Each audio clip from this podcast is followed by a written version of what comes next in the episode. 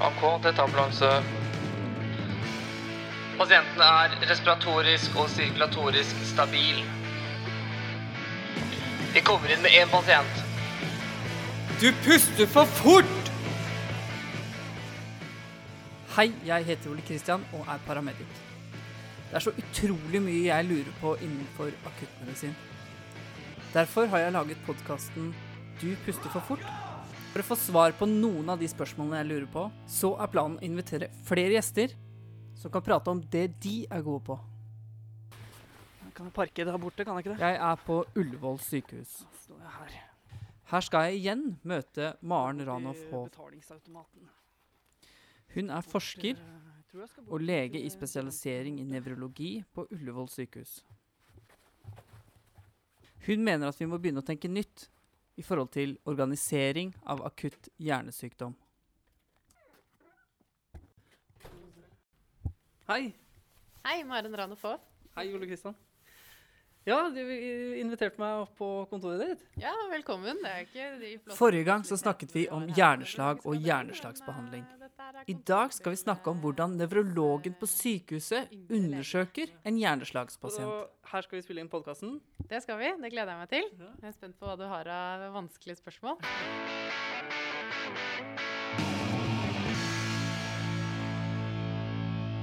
Hjertelig velkommen til eh, denne episoden av podkasten Du puster for fort. Igjen så har vi deg på besøk, Maren. Ja, jeg er heldig. Får komme igjen og igjen. Ja, tredje gangen du er her. Ja, det er ikke verst. Du, vi skal prate litt om uh, hvordan vi undersøker en pasient med hjerneslag. De fleste er jo kjent med FAST-undersøkelsen. På sykehuset så bruker dere en annen type undersøkelse. Ja, vi bruker en uh, litt utvidet klinisk undersøkelse. Uh, det er uh, gjengs for alle leger som tar imot pasienter med mistanke om hjerneslag. Og det er faktisk ikke bare i Norge, men eh, på verdensbasis så bruker man akkurat den samme objektive og systematiske kliniske undersøkelsen. Eh, den heter NIHSS, og det er et veldig vanskelig ord. Det står da for National Institute of Health Stroke Scale. Eh, Det er en undersøkelse sammensatt av elleve elementer som kartlegger hjernefunksjoner. Og er eh, systematisk bygget opp, sånn at man kan få et godt inntrykk av eh, om de symptomene pasientene presenterer, faktisk er et hjerneslag. eh, Hvor det hjerneslaget eventuelt da sitter, og hvor stort hjerneslaget er. Så det er både på lokalisasjon av symptomer mot lokalisasjon i hjernen, og utbredelse i form av hvor mye hjernevev er det som er rammet, og da hvor alvorlig er hjerneslaget. Så når du tar denne undersøkelsen, så jobber du deg egentlig gjennom hjernen, du da?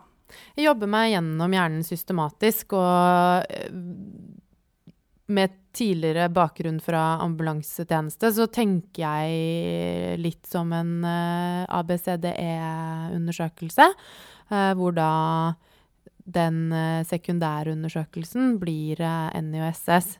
Og mm, man vil da ha gjort en vurdering av bevissthet på forhånd. eh, og da trenger man ikke gjøre det på nytt, men man kan ha et eh, objektiv eh, innstilling på hvordan bevissthetsnivået er. Og så går man mer direkte på da de enkelte delene av hjernen som styrer viktige funksjoner, og som veldig ofte er involvert i hjerneslagsklinikken. hjerneslagsklinikken.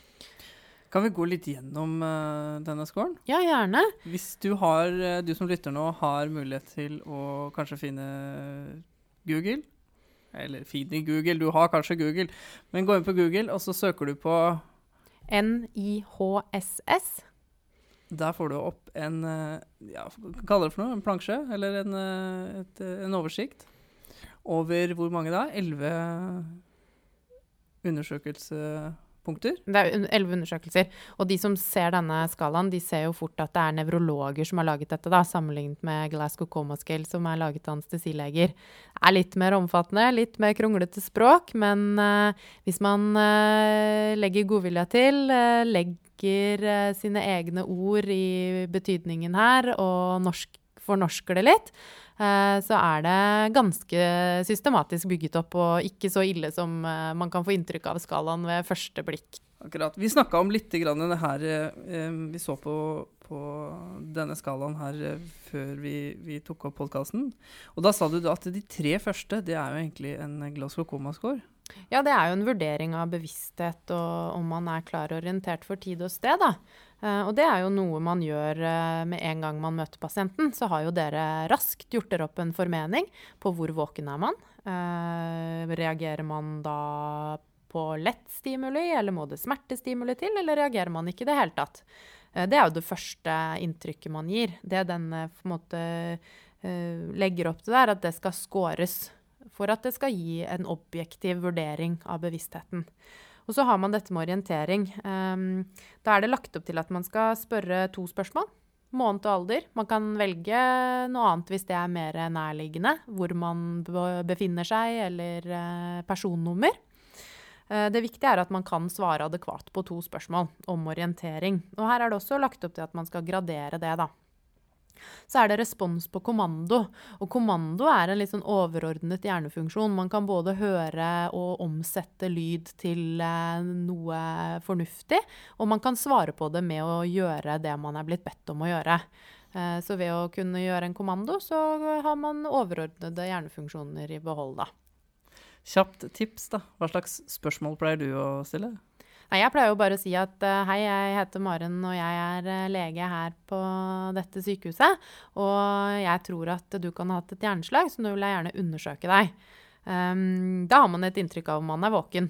Og så vil jeg spørre hva man heter og hvilken måned man er i. Mm. Så går jeg videre og ber de om å lukke øynene og knyte den ene hånden samtidig. Da må man jo være litt bevisst på slagpasienter, da, for hvis de har en lammelse i den ene siden, så må man be de om å knyte den siden som er frisk. Ja. Eh, men her kan man finne ut av hva man uh, syns er mest hensiktsmessig. Er man hjemme i stua hos uh, noen og det er uh, dårlig belysning, så kan man jo gjøre andre kommandoer også. Eh, er man, er, har man kanskje vanskeligheter med språk, så kan man jo be deg Kan du lukke øynene når jeg sier 'lukk øynene'? Så er jo det at man faktisk kan uh, lystre en kommando. Så her må man være litt uh, fleksibel også i undersøkelsessituasjonen, da. Så er vi videre. Da er vi på uh, blikkbevegelse. Ja, Det syns jeg er et viktig element eh, Mm. som FAST ikke dekker. Eh, FAST undersøker jo ansiktsmuskulatur, men ikke øyemuskulatur. Mm. Og øyemuskulatur styres eh, av en annen hjernenerve i hjernestammen. Eh, og ved å Når du allikevel lyser på pupillene, så kan du be pasienten om å se på pennen og flytte den fram og tilbake i horisontalplanet, og få et inntrykk av om øynene flytter seg eh, symmetrisk og normalt.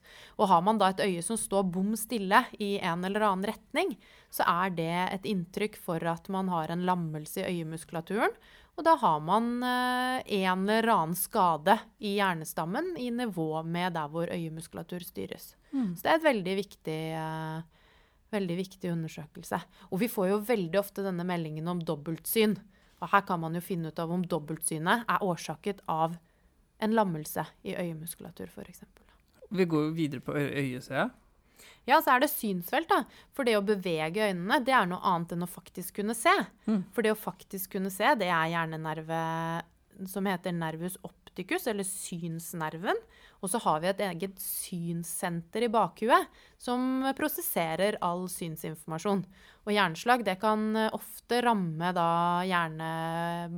det synsområdet i hjernebarken helt bakerst i, i hjernen. Og det går man jo glipp av eh, ved en fastundersøkelse. Um, og da undersøker man raskt om man ser eh, i hele synsfeltet sitt. Her er det noe jeg kjenner igjen. Her står det ansikt. Ja, og det er likt som fast.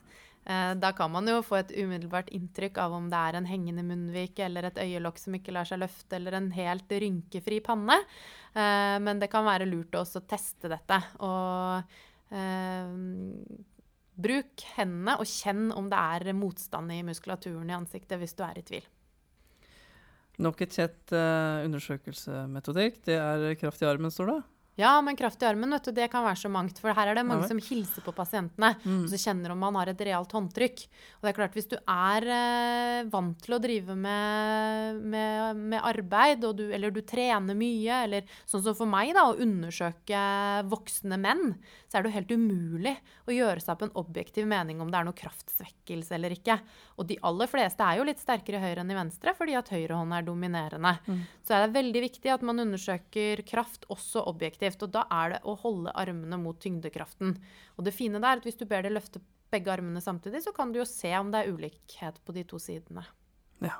Så løfte rett ut. Rett ut i luften og tell til ti. Er det en som detter ned mot eh, sofaen eller senga eller båra da, så har man en eh, objektiv vurdering av kraftsvekkelse. Det går videre på kraft, se. I Ja.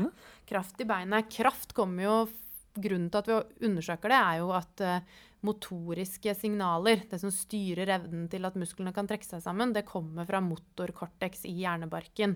Og det er et eget, helt isolert område, omtrent midt på hjernen, på hver sin side.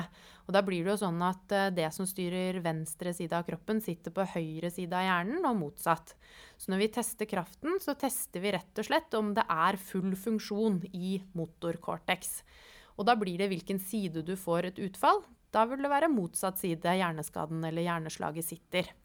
Og kraft i beinet, da er det underekstremitetsdelen av motorkortex vi tester. Og da kan man be pasienten om å løfte beina og holde de i fem sekunder. For mange er det ganske tungt å holde begge beina opp i luften fem sekunder. Og det skal ikke være noen sånn core-treningsøvelse. Så man kan be dem løfte ett og ett bein og se om det detter ned mot underlaget. Og så står det nummer sju. Der står det koordinasjon. Det er kanskje ikke så veldig mange som er gode på det, men hva er det du tenker her? Koordinasjon er eh, viktig, fordi koordinasjon er lillehjerne. Og lillehjerneslag det blir vi ofte kritisert for at vi overser. eh, Og at pasientene ikke blir eh, identifisert i den fasen hvor de kan få behandling. Og lillehjernen det er jo det som styrer evnen vår til å sette sammen bevegelsene til noe målretta. Og hvis du drikker mye, så er det lillehjernen som slås ut. Så for meg er liksom lillehjernen litt sånn Har man symptomer derfra, så har man litt sånn uh, fyllesymptomer. Man sjangler, og man klarer ikke å gå rett på en linje, og man har ikke kontroll på armene sine. Og det må vi teste grundig hvis vi skal gjøre en ordentlig slagvurdering. Og da har vi jo gjort det sånn at man tester om man kan treffe nesa si med fingertuppen, og om man kan eh, stryke hælen langs med skinnlegen. For da har man testet om koordinasjonsfunksjonen er i orden. Så, så lenge du ikke klarer å, stryke den hælen mot skinnlegen, så er det Har du funn da? Du har et funn, men da må man jo tenke hvis man ikke klarer det fordi man har en uh, lammelse, Mm. så er det noe annet enn koordinasjon. Mm. Uh, så her må man være litt eh, forsiktig i forhold til om det er pga. lammelsen. Men det er ganske enkelt å se et koordinasjonsutfall. Da går det beinet som en eh, symaskin og helt eh, ukoordinert i luften og har ikke noe, eh, noe klar retning for bevegelsen. Mm. Og det samme gjelder på fingertuppen. At det da treffer ofte fingeren panna, eller den treffer ikke ansiktet i det hele tatt. Og ofte da på den ene siden, ikke sant? Ofte på den ene siden. Nei, det, man kan ha store utfall som gjør at man har eh, koordinasjonsutfall på begge sider, men det er, alt med hjerneslag er vanligst på én side. Mm. Hudfølelse. Sensibilitet for stikk. Stikker dere pasientene deres? Eh, Vi gjør ikke det i en sånn uh, akutt mm, setting ofte, fordi at det tar for mye tid. Um, jeg gjør dette ganske overfladisk. eh, først og fremst fordi at førlighetsutfall, hvis man bare har nummenhet, så ville ikke jeg gitt trombolysebehandling på det. For da syns jeg at det er for stor risiko i behandling i forhold til det å eventuelt leve med litt nedsatt følelighet. Eh, Men det med sensibilitet, eh, hvis, det, hvis man skal bruke tid på det, så er det jo som et tilleggsundersøkelse. eh, Fordi at sensorisk cortex da, ligger ved siden av motorisk cortex. Og ofte henger jo dette sammen, både kraftnedsettelse og sensibilitetsutfall, og trygger oss i mistanken om hjerneslag. Mm. Og her er det jo noe jeg kjenner igjen igjen fra fastundersøkelsen. Eh, språk. Og språk er jo mer enn bare språk, det er jo både språk og tale. Og det Mm. kan jo være litt forvirrende. Men Og de, de er delt opp i to forskjellige. Det er to forskjellige, fordi de styres fra to forskjellige steder. Uh, og her skal man ikke gjøre det for komplisert, men eh, det å kunne snakke, det er å rett og slett finne ord. Uh, at det er sammenhengende det man sier, og at man forstår det som blir sagt. Og det er da det legene kaller for afasi. Hvis man snakker tull, eller man ikke forstår de ordene som blir sagt, så er det evnen til å finne ord og forstå ord. Mens dysartri, det er uh, evnen til uh, å uttale ordene. Mm. Um, og så er det viktig at noe språkforstyrrelser kan jo komme fra språksentrene, som er en egen del av hjernen. Men man kan også få språkforstyrrelser fordi man er lammet i ansiktet og det er veldig vanskelig å snakke med en hengende munnvik. og det, det, det er jo to forskjellige symptomer på hjerneslag fra to forskjellige deler av hjernen. Mm. Så kommer vi nå til som her, Det står neglect. Neglekt, Dette står det her. Dette syns nevrologer er vanskelig òg. Neglekt. Neglekt, ja. ja. Det er å neglisjere ja. en kroppshalvdel. At man uh, ikke har et uh, forhold til at man har en halvdel av kroppen. Det er et litt pussig symptom. Og alle nevrologer jeg kjenner, syns også neglekt er veldig vanskelig å vurdere. Mm. Uh, og særlig i et sånt veldig hektisk uh, undersøkelse av slagpasienter, hvor det ofte er sånn at uh, du har den kliniske undersøkelsen, og makkeren skal ta blodtrykk og legge nål. så kan man jo lett komme i en situasjon hvor det er mye mer interessant det som foregår på den ene halvdelen enn på den andre halvdelen av kroppen, og at det misforstås som oppmerksomhetssvikt. Eh, men eh, har man eh, klar ignorans av en halv kroppshalvdel det er liksom umulig å få kontakt med pasienten hvis du står på den ene siden. Mm. Eh, og de ikke kjenner noe når du tar på benet og armen oppover hele. og Det er liksom ingen kontakt med den delen, og du oppfatter det som noe mer enn bare at førligheten er borte.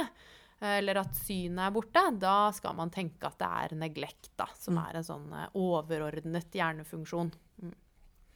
Og da har vi egentlig vært gjennom uh, det meste? Det er alt sammen. Ja. Og da har man uh, ved å gjøre dette undersøkt uh, hjernen både systematisk, mm. og man har fått en objektiv tallverdi fordi man scorer funnene sine.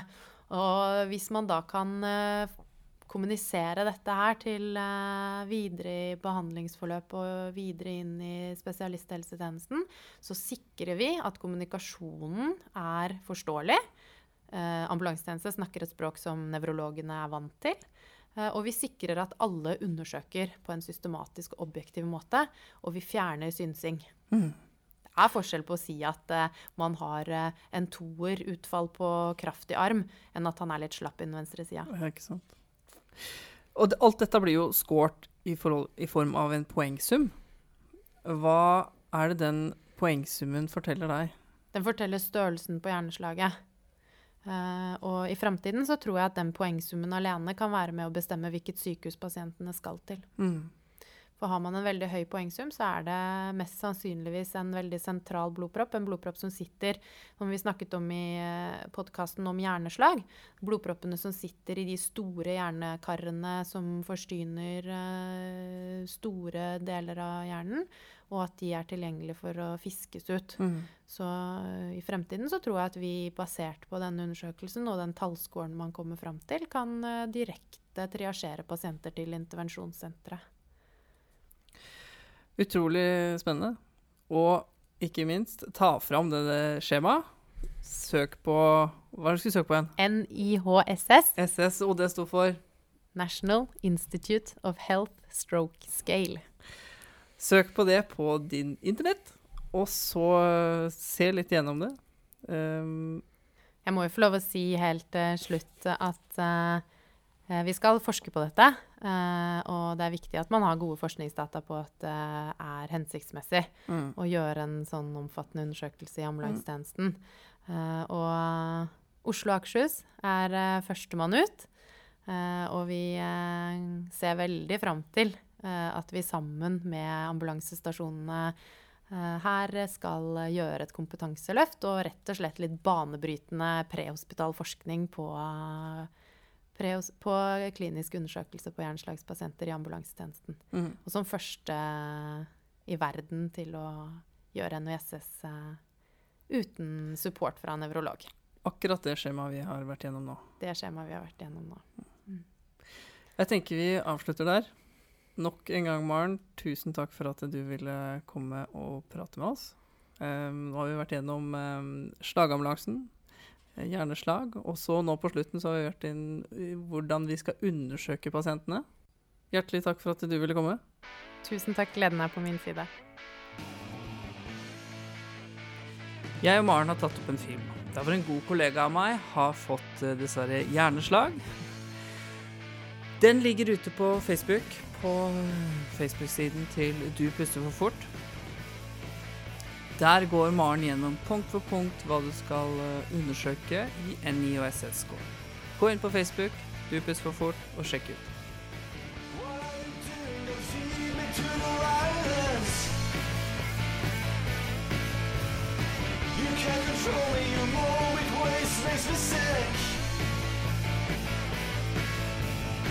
I don't know.